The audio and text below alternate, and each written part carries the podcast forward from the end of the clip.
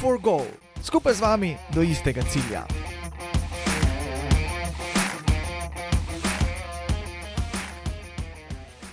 Drage poslušalke in spoštovani poslušalci, vsi športni navdušenci in vsi, ki ste v zadnjem letu malo že pogrešali naš Go for Goal podcast, eh, vem, celo leto je minilo, odkar smo posneli zadnjo oddajo, ampak kljub temu eh, dober dan, pozdravljeni v novi oddaji tega našega eh, športnega podcasta. In ko že ravno omenjam eno leto, ja, to je kar dolgo obdobje, veliko se je v tem času zgodilo, zato je verjetno preden vam s tadejem predstaviva najno današnjo gostjo, je prav, da se malo ozreva na obdobje, ki je za nami in pa na tudi to, kar nas čaka v prihajajočem letu. Tako da moje ime je Dušan Poslek, poznamo se že iz preteklih podkastov, z mano pa seveda, da tako rečem, alfa in omega podjetja in blagovne znamke GoForGold, tadej glavač, tadej zdravo in evo za naše poslušalke, za naše poslušalce. Najprej, kaj je novega, kaj načrtujemo, kaj nas čaka v, v tem letu? Ja, lep pozdrav tudi z moje strani. Uh, tudi mene je ful veseli, ko smo ponovno nekako vklopili ta podcast nazaj danes z gostjo, ki smo jo zadnji čas, oziroma zadnji čas v tistem norem obdobju, uh, dosti spremljali po televizorju, tako da več seveda v nadaljevanju. Kar se tiče Go for Goal, se je pač dogajalo kar nekaj stvari, zato smo tudi ta podcast malo nekako dali v zadje oziroma pač na stran. Kar bi tu povedal, uh, pač gremo najprej na neke pozitivne stvari, začetkom tega leta smo vzpostavili business to business, nekak model, se pravi, povezali smo se z distributerji, preko katerih zdaj pokrivamo štiri države. Pol, začeli smo z razvojem novih produktov, zdaj kakšnih produktov, nekaj je že znano, nekaj še bo. Potem imamo, oziroma to se je spet nekako preraslo iz ene ideje oziroma povpraševanja, Uh, kar nekaj fantov me je začelo spraševati po majicah, drevesih, ki bi imeli v bistvu gor nekakšno znamko Go for Go in sem takoj v bistvu uh, našel neko povezavo, sem si zamislil, zakaj ne bi v bistvu delali mi športnih drevesov pod blagovno znamko Go for Go. Tako da je, takoj sem poiskal enega dizajnera, uh, ki čist dizajnersko oblikujemo na podlagi pač želja naročnika, dizajn drevesa. Sem se povezal, oziroma smo se povezali z slovensko proizvodnjo, tako da v bistvu pol uh, smo začeli tudi s tem procesom izdelave športnih dresov, čist polno naročilo za, uh, za vse športe. Bil sem tudi, ko bi prav, kar v nekaj, kar v bistvu se počutim kot neki, ne bi rad izbral neke uh, take besede kot predavatelj. Uh, vabil me pač razne šole, fakultete, kjer pač predavam o moji podjetniški poti, da delim te svoje izkušnje, s čim vse se podjetnik, ko je na začetku svoje poti srečuje, kot tem mladim, ali so to podjetniki, ali pač študenti, dijaki, spoznajo v bistvu to plat eh, na začetku, pač s čim vse se mora podjetnik srečevati na začetku svoje poslovne poti. Tako da uh, je to za mene bila neka povsem nova izkušnja, ampak moram povedati, da sem se pač počutil dobro, ko sem delil to svoje znanje, ker tudi sam, ko sem bil na začetku svoje poslovne poti, sem full ceno, če mi je pač kdo dal neki na svet za stonj, pa tako naprej, ampak gledaj, to mislim, ko je tema tudi za mogoče kakšen novi podcast, ker bova tudi sama dva uh, pač razdelala. Uh, Prav tudi vprašanja, ki jih dobivam, dosti me kličejo, ne vem, pač nekdo želi uh, na svojo poslovno pot, pa me kliče, pa me vpraša za mnenje. Imam zbranih kar nekaj vprašanj in mogoče bo to pol razdelalo v naslednjem podkastu. Danes sem tudi naprimer, govoril z proizvodnjo, um, imamo kar nekaj problemov, oziroma problemov, težave, ko se pojavljajo pač na celem svetu. Materijali so se povišali, cena materijalov, čas proizvodnje se je povišal, tako da to so pač malo manj prijetne stvari za pač nas, ampak se trudimo, ko izpeljemo to, kar se da uh, v redu. Zato so pač tudi en čas bile nogavice razprodane, enostavno zaradi tega, ker nismo jih dobili na zalogo iz proizvodnje. Uh, tako da, evo, to je na kratko to, mm, tako da se lahko osredotočimo zdaj naprej. Ok, ja, zdaj se popolnoma strinjam. Eh, se mi zdi, da je vprašanj in pa tem, o katerih bi lahko danes govorila, in o poti, preizkušnjah in pa izzivih, ki, jih, ki prihajajo na pot blagovne znamke GoForGol, kar nekaj, ampak nikakor ne želiva tega današnjega časa, časa za ta podcast, eh, jemati najni eh, današnji gosti. Ti si že samo omenil v tem svojem prvem nagovoru, res je proti koncu lanskega leta je bila v spredju, ko smo se pogovarjali, ko smo debatirali o televizijskem programu, o tem, kaj se dogaja na televiziji televiziji, je slej kot prej beseda nanesla na Exatlon. Eh, Exatlon je dejansko en projekt, ki je bil lani premjerno prikazan eh, tako v Sloveniji na slovenskih televizijah, čeprav gre za projekt, ki ni nov, ne, vsekakor ni nov, so pa bili eh, novi oziroma bil nov za slovenske tekmovalce in kolikor imamo občutek, koliko lahko spremljamo, tudi izjemno dobro spred, ampak da ne bom jaz govoril o tem z velikim veseljem v najni današnji družbi, pozdravljam Marjanco Polutnik, Marjanca Živja. Pozdravljen. Zdravo, Marjanca. Evo, kljub temu, da je že več mesecev od tvoje zmage na Exatlonu, evo, tudi za ene strani čestitka, ne? si le premjerna, premjerna zmagovalka slovenske verzije eh, Exatlona in namen najnega eh, današnjega, našega današnjega pogovora je ravno to, malo spregovorimo o tvoji izkušnji na Exatlonu, ne na zadnje, kako si sploh do tja prišla in pa predvsem, kaj si od tega odnesla in tudi, kot sama praviš, kako, te, kako si si oblikovala ta, eh, to miselnost zmagovalke tudi skozi tekmovanje v Exatlonu. Zdaj, če sem jaz prav obveščen, neko sva sta Dejem načrtovala ta pogovor, sva se pogovarjala, da, da je eno vprašanje, ki ti ga ne bova zastavila in to je, kako se počutiš po Exatlonu. E, zato, ker se mi da teh vprašanj zdaj zadnje čase kar veliko. Ne? Ampak to je verjetno, ne vem, če je to najbolj primerno vprašanje za, za začetek, veliko raje se vrnem e, malo nazaj, ampak tudi danes pred našim e, snemanjem si dejala, da si bila gužvo na peti dan poln obveznosti. Je to normalno, se zadnje čase ti predvsem dogaja, da nekako komaj loviš dovolj ur v dnevu?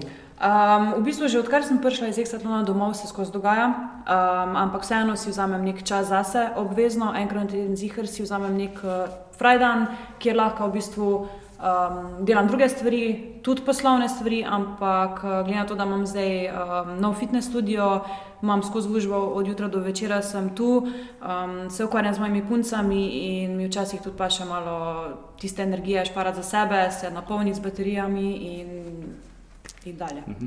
Kljub temu, ne, da te je večina v Sloveniji podrobneje spoznala, pa imamo občutek, da smo te podrobneje spoznali na lanskem Exatlonu, zagotovo se eh, tvoja zgodba o prepoznavnosti ni začela tam. Povej tako le na kratko, v parih stavkih, če se seveda to sploh da, kaj si počela pred Exatlonom, oziroma kako te je sploh tvoje življenje pripeljalo do tega, da si se odločila, da vstopiš v to avanturo. Um, v bistvu Šport itak je del mojega življenja že odnegdaj, um, skozi sem športala, skozi sem bila v fitnessu, skozi sem skrbela za sebe. Uh, nekaj časa sem se pojavljala tudi v uh, revijah, na naslovnicah, da smo delali z naročniki, delala sem kot model, veliko krat res full enih projektov smo naredili. Tako da tisti, ki me poznajo, um, v bistvu tisti, ki se ukvarjajo z modelingom, me poznajo že odprej. Um, verjamem pa, da me je večina slovencev spoznala na televiziji, pa da me je tam prvič videla. Um, tako da v bistvu sem veliko naredila že pred Exatlonom. No. Ki pa se je rodila, se spomniš trenutka, ko se je rodila ta ideja, da se boš udeležila Exatlona, oziroma ko si sploh sprejela odločitev, da ja, bom se podala v to? Um, povabila v take šove, oziroma povabila v resničnostne šove, sem dobila že velikrat, recimo kmetija um, slanski moški, vabili so me vse posod, ampak sem rekla, da edini šov, ki bi se ga udeležila, je nekako, da bi bil nek športni šov. Takrat se o Exafonu ni vedlo nič. Po 14 dneh sem jaz dobila v bistvu na Instagram sporočilo, da se v Sloveniji pripravlja en nov šov in če sem se pripravljena udeležiti. In itak tako vsako sporočilo pregledaš, prebereš, zapreš, si misliš, ok, to je spet en izmed mnogih. In pa začneš študirati, ok, in pa gledam promo video in vidim, ok, odpotuje se na Dominikansko republiko. To je že me pritegnalo, tista prva stvar, ko sem videla tako vse tiste, kako skočijo na to bazen, šport je, poligoni so, ni mi bilo nič jasno, v bistvu, kaj to sploh je. Sploh se nisem takrat zavedala, kaj je sploh point tega šova in kakšen človek sploh moš biti, ko priješ noter, ker ne veš, kaj pričakovati. Um, pol sem pač tako odpisala, tako da v bistvu sem dobila jaz povabilo in sem povabilo sprejela. Um, tako da tako je pol prišlo to, da so me oni najdli. No. Kako pa je izgledalo potem tisto pripravljalno obdobje, torej od trenutka, ko si ti rekla, ok, grem v to, ne, pa do trenutka, ko ste odpotovali samo, v samo Dominikansko republiko? Ja, je bilo kar zanimivo. No. Jaz sem šla pol malo googlati ta Exatlon in sem v bistvu videla, da Mehika že ima ta Exatlon 4 uh, oziroma zdaj je bila peta sezona, da oni so dobesedno norci, kar se tega tiče. Tam je to najbolj gledana oddaja, traja tu 3 ure oni imajo tak energij na tekmovanjih, da je to res noro, noro. In ko gledaš njih, jaz osebno sem se videla tam.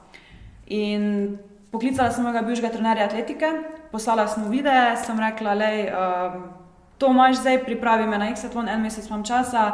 In v bistvu smo full delali atletskih treningov, itak to, kar smo delali, sploh ni bilo niti podobno, kar smo mi pa tam delali, ampak um, smo pa ful delali na motoriki, na kondiciji, na premagovanju ovir, ampak predvsem tudi na mindsetu. No, tako da sem nekako šla, recimo, 60% pripravljena na ta Exatlon. Pa imaš občutek, da sama omenjaš, ne, da si predtem v preteklosti trenirala tudi atletiko, vse skozi si bila aktivna športnica, mm -hmm. vemo, ne vsi, ki smo vas lahko gledali, oziroma vse, vse, ki smo vas lahko tam spremljali, ste bili tako ali drugače športniki. Ne. Kako zelo ti je pomagalo to, da si že imela to preteklost eh, z aktivnim športnim treniranjem, tudi atletike? Jaz bom tako rekla, da če priporočam, oziroma Če me kdo vpraša, kater šport priporočaš, da se trenira, preden se gre na Exatlon, bi to rekla, da je atletika. Uh, zaradi tega, ker pri atletiki dobiš ti osnove motorike, osnove stabilizacije, uh, znaš umiriti glavo, znaš biti eksploziven, nisi štorast. Uh, oziroma, to so vse osnove, ki jih ti rabiš dol.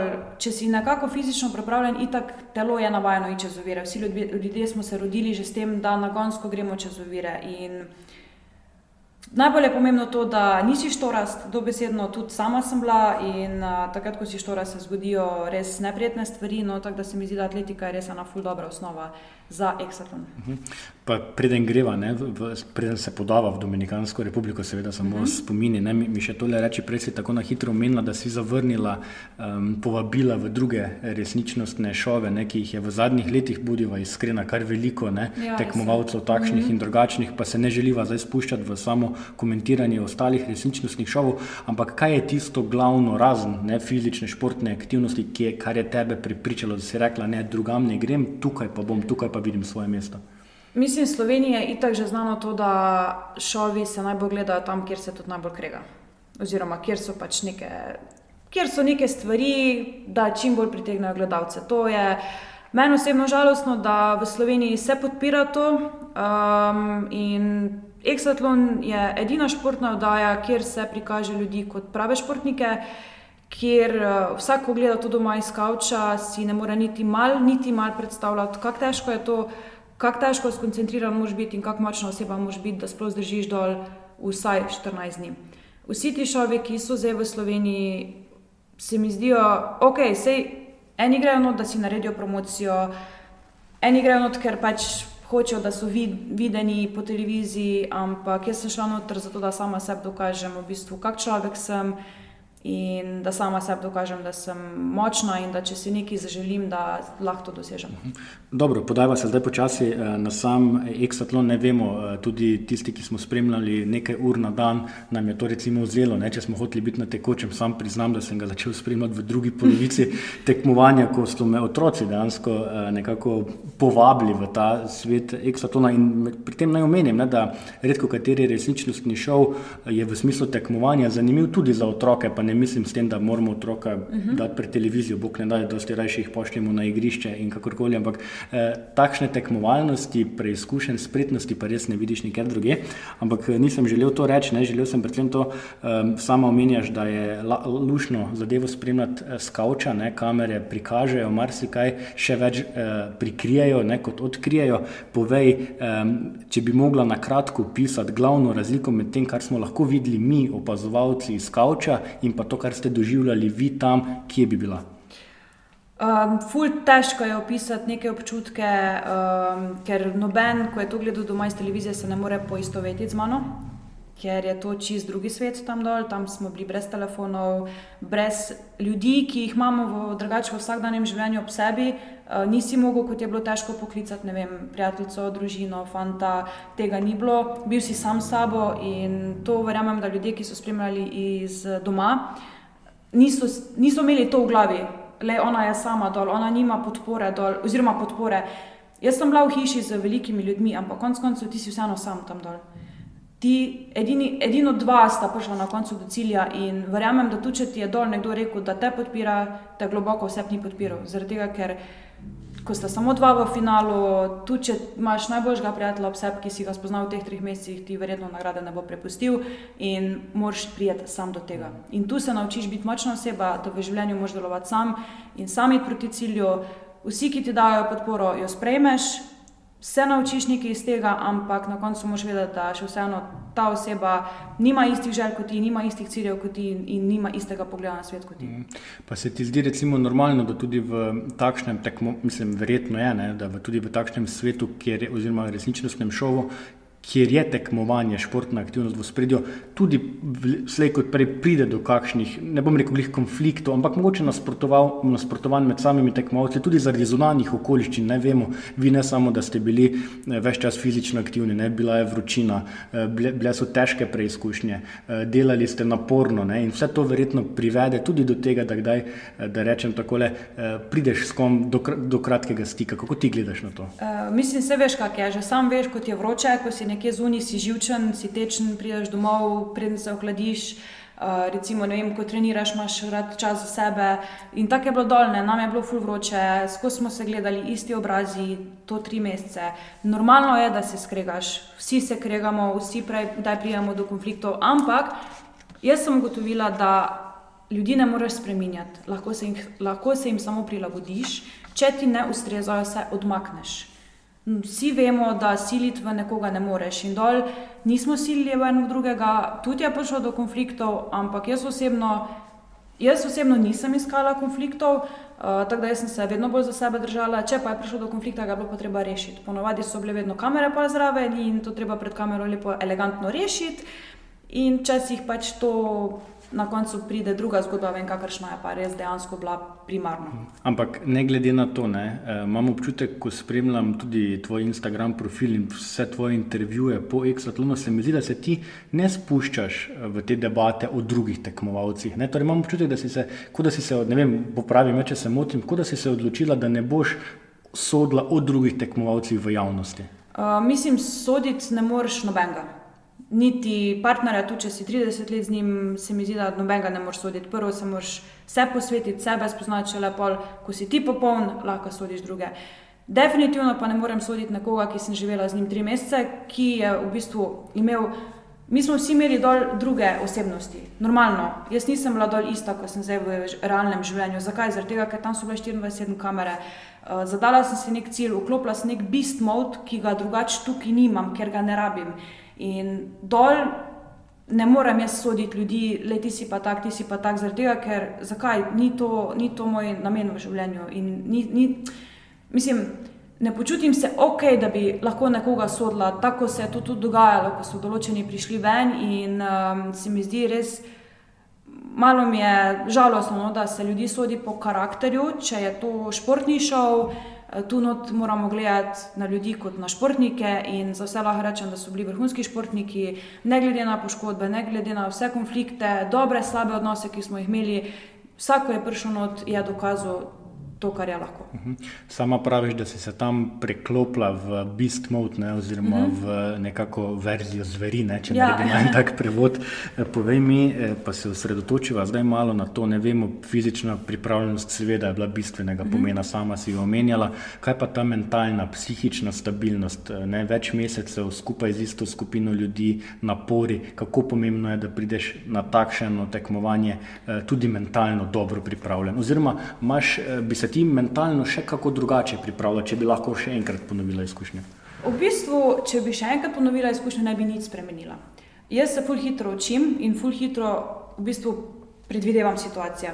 Itak prve 14 dni ti ne moreš vedeti, kaj pričakovati, se učiš, se spoznavaš, se prilagajaš na okolje. ker itak ti je vroč, polno nekih žuželk je, ne veš. Uh, Kako odreagirati v določenih situacijah, ok, prvo se treba na kamero navaditi. Gledam, fule nekih novih stvari in moraš v bistvu sam pri sebi vzeti čas razmisliti, ali je prav, kaj da narediš, ali ni kaj prav, da narediš.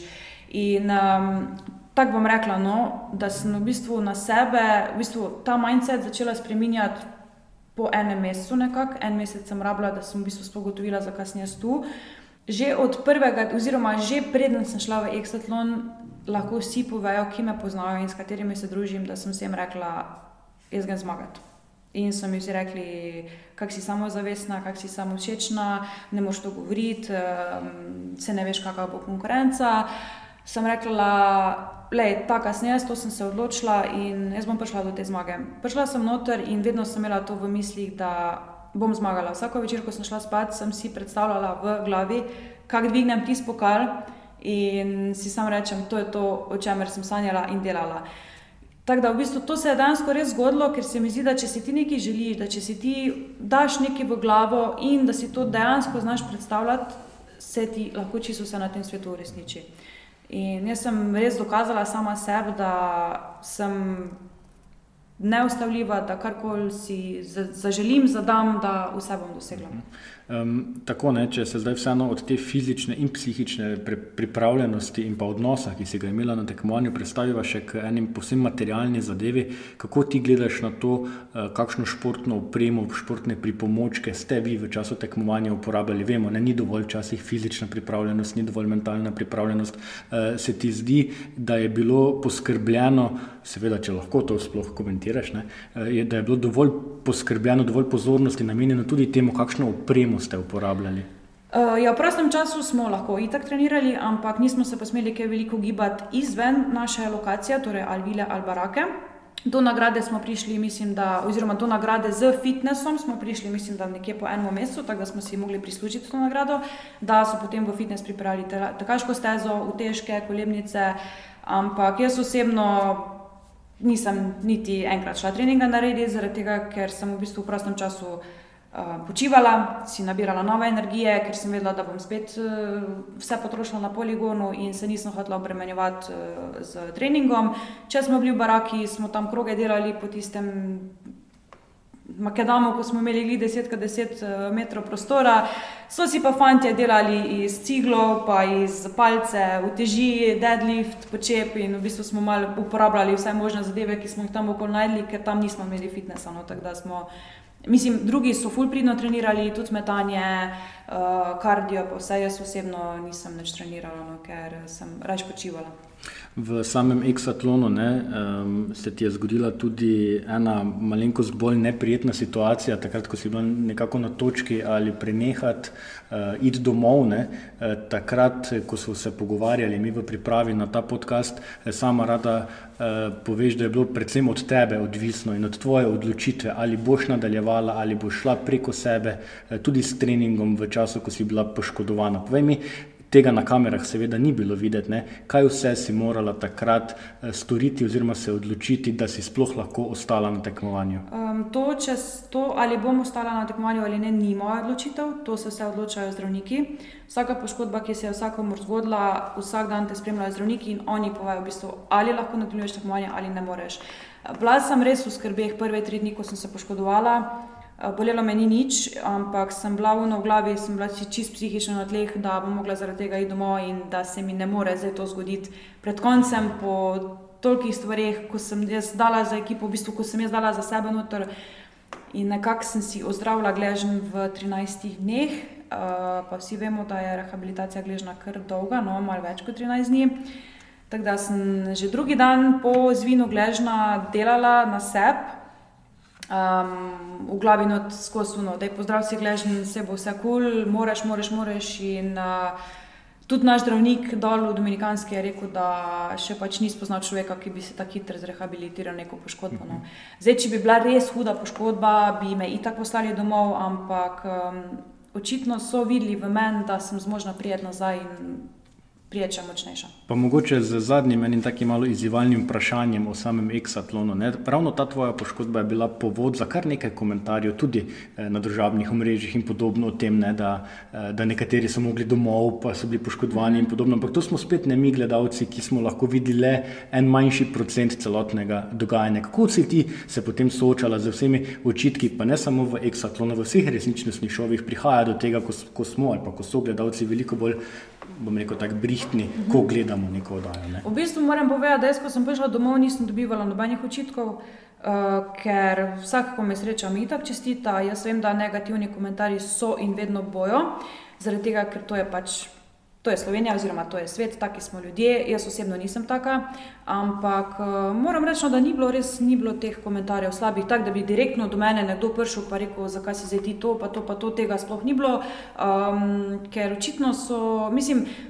Ne moreš ti soditi nekoga, če ga ne poznaš, in ne moreš ti soditi nekaj, kar vidiš na televiziji, zaradi tega, ker V ozadju Exatlona, v ozadju vseh nas je profesionalna ekipa in ta ekipa je sestavljena iz več kot 500 ljudi, ki odločajo, kak boš ti, kakšna tekma bo, eh, ali greš domov, ali ne greš domov, greš preko ne vem koliko eh, ljudi, da priješ do končnega nekega, bom rekla, do neke končne besede, ki ti jo nekdo da. In Mislim, jaz osebno, če bi me takrat zdravniki vprašali, da hočeš iti domov, bi takoj rekla ja. Ker sem bila drugi dan taki sebe, um, s poškodbo gležna, da sem sama v bistvu dala željo, da naj me pošljajo domov, ker nisem si predstavljala, spod, da bom še naj nazaj prišla, oziroma upala sem globoko, da okay, se boš prišla nazaj, ampak ko, pa, ko sem pogledala tisti moj gležen, ko je bil res cel vijoličen, cel moder, uh, za tri moje gležne um, zatečen, sem sama rekla, no, da bi rada šla domov, ampak itak so rekli, da to ni na meni, to je na zdravnikih, tako da očitno um, se je vse išlo, no tako sem jaz hotla in tako sem si je želela. No in ko govorimo seveda o teh uh, sodbah ali pa o teh pogledih, ki jih gledalci lahko dajemo iz, iz, izpred kavča oziroma iz kavča pred televizijo, je prav, da se spomnimo uh, mogoče tudi Uroša Zormana, ki so ga stadejem gostila v enem izmed uh, preteklih podkastov, on je nekako um, izumil ta um, izraz kavč selektorji, pomeni, da uh mhm. -huh. vsi tisti, ne, ki, ki opazujemo nek šport in ki smo samo posrednji opazovalci, nikoli ne moramo moramo vedeti, kaj vse se eh, dogaja in kaj vse tekmovalci v različnih športih seveda dajo skozi, zato da lahko pridejo do svojega eh, uspeha. Drage poslušalke, poslušalci, če želite urošo prisluhniti, obiščite našo spletno stran in v arhivu poiščite um, tudi ta podcast z njim. Uh, ampak preden pa gremo zdaj na samo dogajanje po Exatlonu, uh, pa se bom tedaj, Evo, zdaj spet malo tebe nazaj vključil v ta naš prijeten pogovor. Tebe zdaj čaka ena prijetna uh, dožnost, ne, ki smo jo napovedovali zdaj že nekaj časa od najave tega podcasta, pa kar izvoli. Ja, jaz bi se rad vsem uh, želel zahvaliti, ker ste v res eh, velikem številu odzvali na našo nagradno igro, ki smo jo skupaj z Marjanom pripravili za vas. Uh, naj potem povem, da bomo vse tri nagrajence obvestili o prejemu nagrade, se pravi po e-mailih, se pravi, ki so jih vpisali v prijavni obrazec. Za vse, ki ste pa izpolnili prijavo v tej nagradni igri, pa imamo še eno presenečenje. Vabim vas, seveda, ko ostanete do konca tega pogovora, pa na koncu izdamo, o kakšni nagradi oziroma presenečenju gre. Tako je, ne samo te nagrade, ki jih je zdaj Tadej omenil, tudi vedno znova lahko na naših eh, profilih na državnih omrežjih najdete takšne in drugačne eh, popuste, ki vam omogočajo še ugodnejše nakupe v naši eh, spletni trgovini in vas res povabim, da, da pogledate in poiščete to, kar seveda vam ustreza. Marjanca, in če mi zdaj nadaljujeva obdobje po Exatlonu, ne sama si že malo me napeljala na to, s čim si se ukvarjala oziroma kaj vse te je čakalo, ko si prišla nazaj iz Dominikanske um, republike. Ko si prišla nazaj, kako bi rekla, da se je tvoje življenje po zmagi v Exatlonu spremenilo, če sploh? Um, spremeni se ti toliko, kot ti dovoliš, da se ti spremeni. In toliko, kot ti hočeš, da se ti spremeni. Uh, Uh, Marsikdo na mojem mestu bi začel fully izkoriščati svoje ime oziroma in to prepoznavnost. Jaz sem še vedno ostala na realnih tleh, takšnih kot sem bila prej. Um, je res, da me veliko več ljudi prepozna, ampak še vseeno ostajam.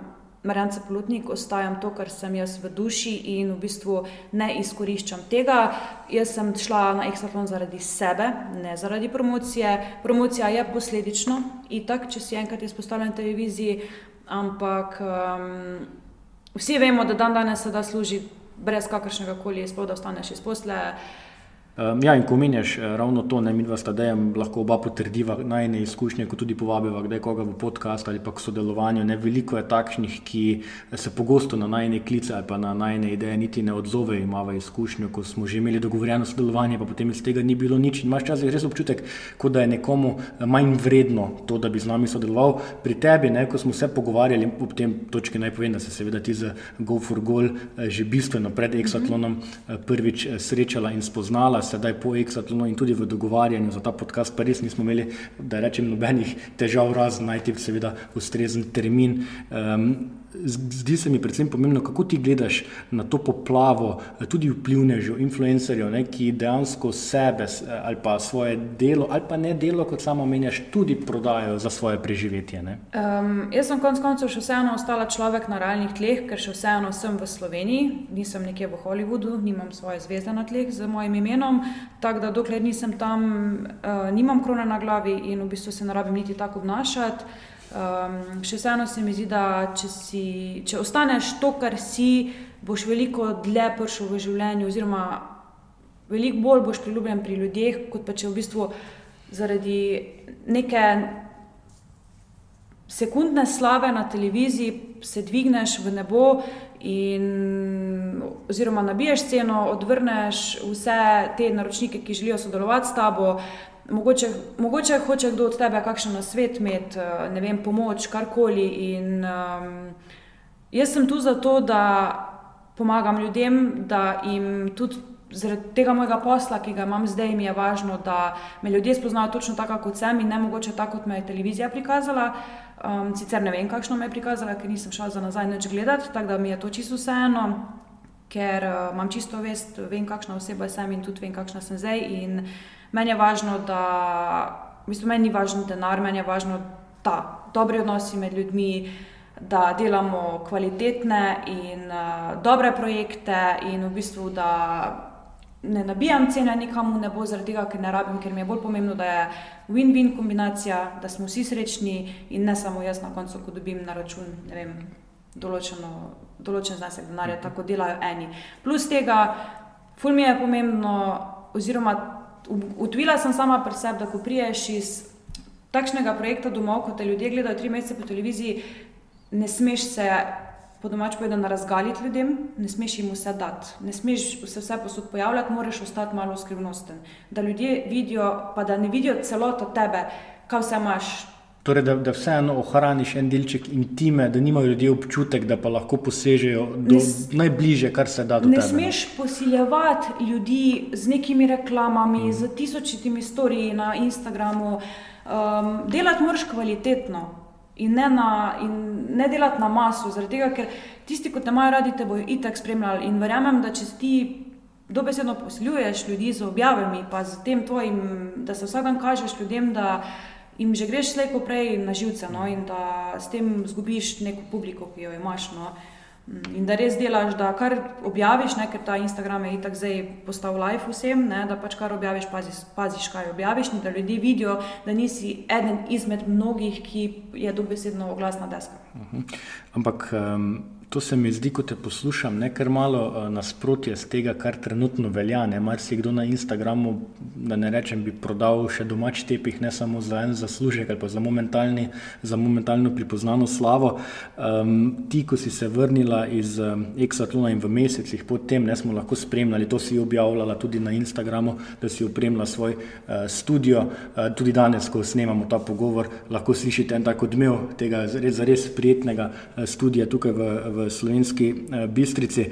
Um, vseeno načrtuješ, da je ta uspeh ne, v Exatlonu le temelj za tvoje nadaljne delo. Ne?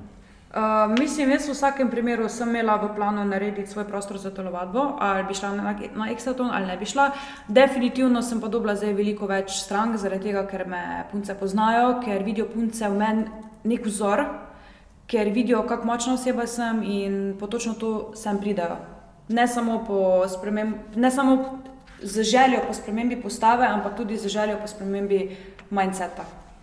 torej osebnosti. Uh -huh. um, ko se tako recimo uh, pogovarjamo ne, o tem, da moraš postaviti neke zdrave temelje za uspeh, ne se ne na zadnje, bodimo iskreni, še noben, ki je uspel v enem resničnostnem šovem, na tem verjetno ne more živeti do konca življenja, sploh pa ne v Sloveniji, bodimo iskreni, ki je zato še vseeno relativno majhen trg. Ne čeprav se, prosti, ne si sicer želela nekaj dodati, ampak čeprav se mogoče vsem tistim, ki gledajo po televiziji, zdi, da aha, zdaj, ko si pa enkrat zmagal, ne, nek resničnostni šov, zdaj so ti pa vse poti odprte, denar je toliko, da ne veš, kam bi z njim, ampak to je daleč od resnice. Ne? Mislim, ja, itak se da živeti neki cajt, neki, neki mesecev, ampak um, to je, se mi zdi, čisto odvisno, kak je vsak posameznik. No. Uh, jaz sem že imela prej nek zastavljen cilj, ko prijem iz Exatlona ven in ta cilj je ostal isti. Jaz ne bi rabila zdaj delati in bila dejansko živela od Instagrama, ampak kaj če jutri Instagram izklopijo? Kaj bomo pol? Jaz imam še vseeno delo, punce me še vseeno najdejo. Marsikdo bi izgubil vse na tem svetu.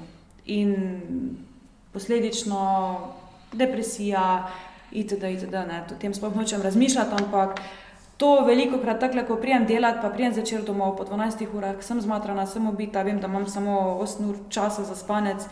Sam poštudiram na to levenenca, kaj če jutri izklopijo socialno mrežo, tako se je zgodilo v Rusiji, zdaj ko je bila vojna.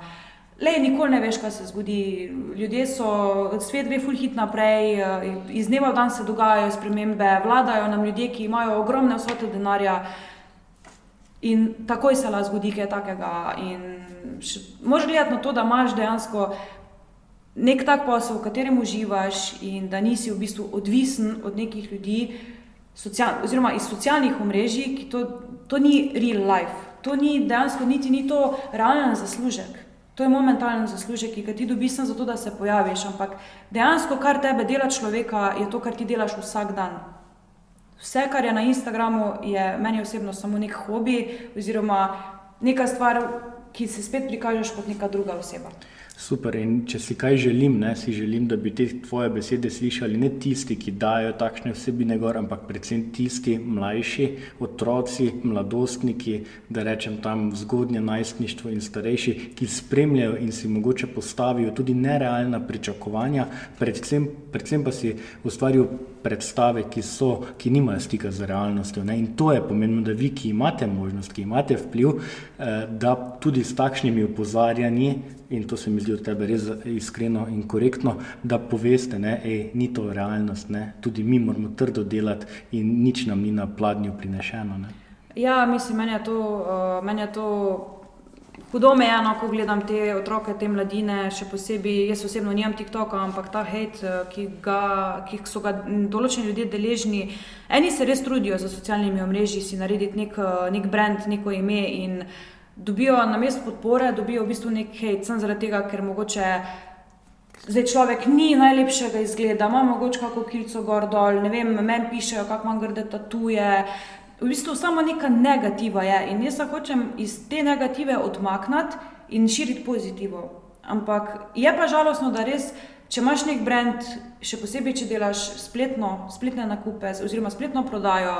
Je težko dobivati samo podporo in samo pozitivne komentarje, zaradi tega, ker k meni prihajajo ljudje, ki hočejo prihajati. Na socialnih omrežjih te gledajo vsi, tudi tisti, ki te nočejo, te bojo šli gledati, ker jih zanimaš. In na podlagi tega prihaja do neke negativne energije, in um, se mi zdi, da je premalo teh pozitivnih in teh nekih motivacijskih ljudi v Sloveniji, ki bi to v bistvu širilo, pa dalo vedeti, da človek rabi podporo. On ne rabi negativnega komentarja. Preveč je takih ljudi, ne, ko so ti pač nevošljivi. Ne, zato, predvsem zato se širijo takšni komentarji. Jaz bi se še navezal na tisto, ko si govorila. Um, o teh kanalih, socialnih, tudi za podjetnike nam je ful pomembno, ko eh, ne ostajamo naprimer, na prodajnih kanalih samo preko vem, druž, družbenih omrežij, se pravi Facebook, Instagram. Tako si rekla, itak, to lahko z dneva v dan ugasne, ne, kje boš pol prodajal. Ne. Zato je ful pomembno, da si najdemo nekaj, pač čim več nekih prodajnih kanalov, ali so to trgovine, ali so to neke spletne platforme, oziroma te spletne tržnice, kot je Amazon pa tako naprej. Glavno čim več, ker pač če ena stvar ugasne, kako lahko v bistvu prodajaš tam naprej. Ne? E, jaz sem še vseeno mnenja, v bistvu jaz delam po principu, jaz imam tako oglaševanje od ust do ust. Če ti delaš dobro, bojo itak vsi vedeli za tebe. In uh, tudi vsi so lahko opazili, da jaz se ne oglašujem z fitnessom, fitnessom. jaz ne devam na Instagram svojih strank, ne devam gor napredka, zaradi tega, ker jih jaz to nudim intimo. In če dobro delam, bojo itak to vsi vedeli. Zaradi tega, ker če je nekdo zadovoljen s produktom, z storitvijo, bo to povedal kolegici, ofa, zelo sem bila na treningu, ful mi je fajn, kje treniraš, ja, primarjanci, je, ful je top, de pečeti. In to se širi. Če imaš dober produkt, se isto širi. Ja. In to je meni, jaz delam na ta način oglaševanje in uh, v bistvu Instagram imam samo zato, da ljudje vidijo, kaj jaz počnem v življenju in v bistvu ne izkoriščam tega v moj prid. Ta udus-dus marketing, ne, to je v bistvu bi prav, nekaj najbolj pristnega, nekaj pač najboljšega. Ne. Tudi san. Uh, meni največ pomeni, ko dobim neko, neko sporočilo, da pač nogavice so top, uh, moj sin uh, pač se je znabil težav z žuljem in to je v bistvu tisto, kar ti največ pomeni, ko veš, ko si nekomu pomagal. Ne. Um, ja, in Marjanca, kot da je tako omenja, um, športne nogavice, Go for Gold, tudi jaz sem že prej omenil, ne, da že predvsej pred Exatlonom si jih ti med prvimi tudi uh, preizkusila. Um, Prišli smo do sodelovanja, testirala si jih, takrat si bila zadovoljna za samo, eh, samo uporabo. Pa mi povej, kaj tebi pomeni ena taka kvalitetna, tudi nogavica, pa tudi vsa ostala oprema ne, pri samem športnem udejstovanju. Um, Čisto realno bom povedala, da dokler nis, jaz nisem imela nikoli problemov z gležnji ali pa z kakšnimi koli poškodbami, sem imela vnete pokostnice v preteklosti, ampak zaradi tega, ko sem se začela s fitnessom ukvarjati, tako vsi vemo, da ko treniraš za sebe, pač treniraš, kakor te paše. Zdaj, če veš, da te bo nekaj bolelo, pač ne boš treniral. Ne? Če jaz vem, da bom imela vnete pokostnice, pač ne bom šla tečiti. Um, bom pa rekla, da se nisem zavedala, kako pomembne so te stvari, dokler nisem zvila gležnjo. Meni so dol na Exatlonu dali nogavice, ampak jih nisem mogla nositi, oziroma nisem jih mogla imeti potem na tekmovanju, zaradi tega, ker so mi bile predebele, nisem se počutila ok, tam, tam si mogla skakati, plavati, so se napolnile z vodo, je bila noga težka. In v bistvu smo si mogli z bandaž trakom, oziroma sem si, no, zdravnik mi je z bandažirnim trakom v bistvu full zavil gležnjo, da sem imela fiksnega, ampak to spet ni bilo to. to.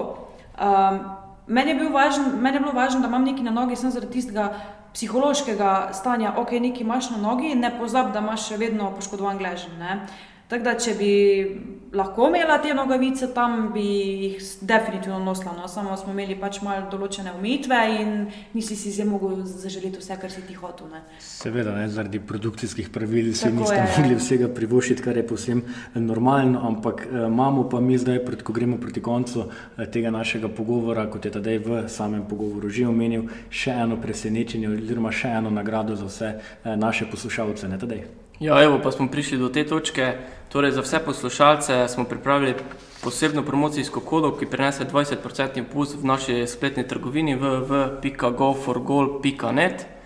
Uh, ta popust vam zagotovi koda Marijanca20, torej v košarici vpišete v promocijsko kodo Marijanca20. Uh, ta koda je pa veljavna do konca meseca maja.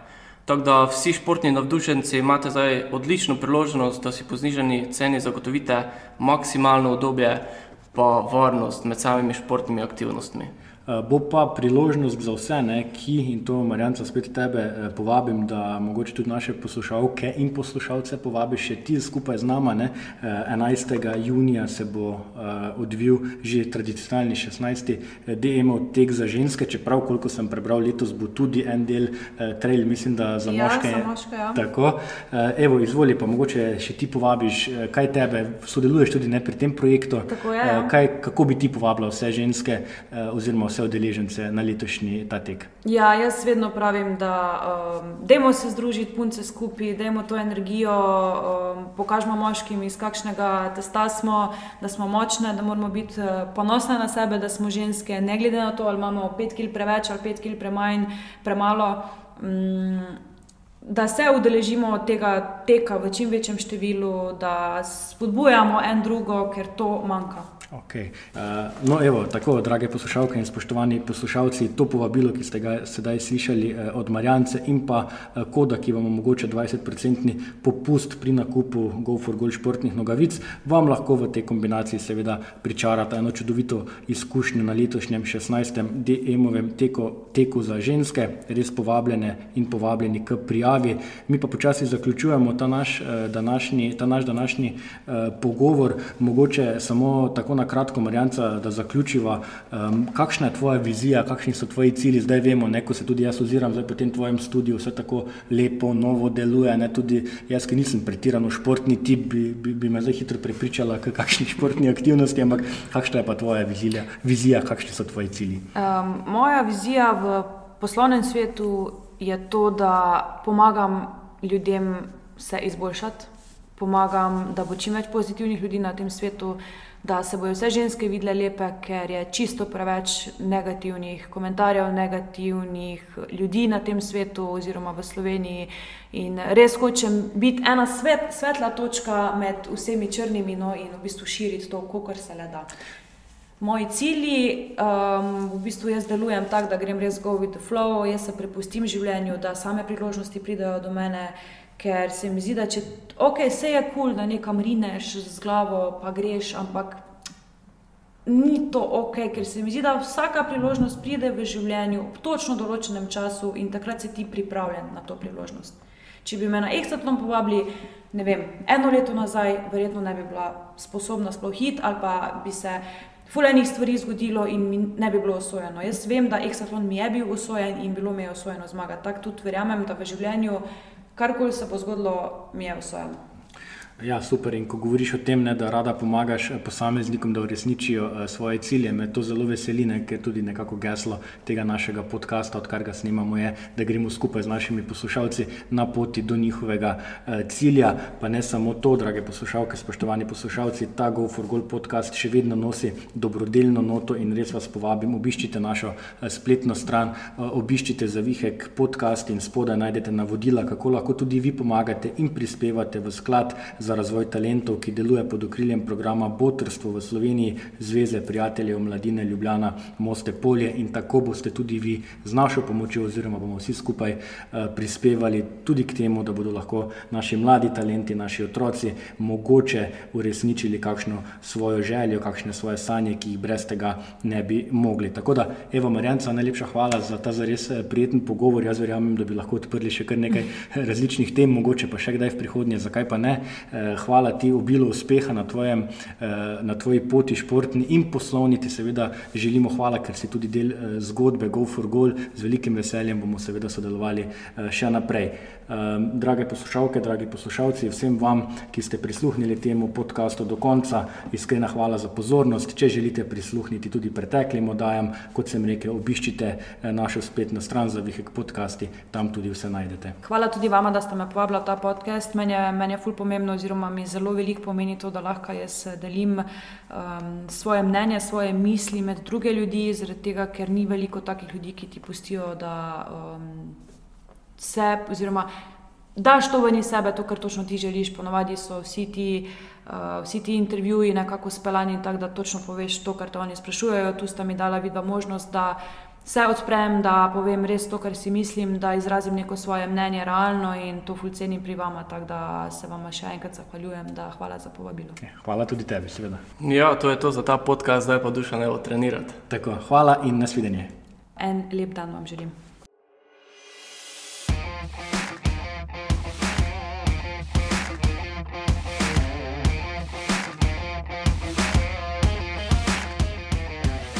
Go for goal! Skupaj z vami do istega cilja.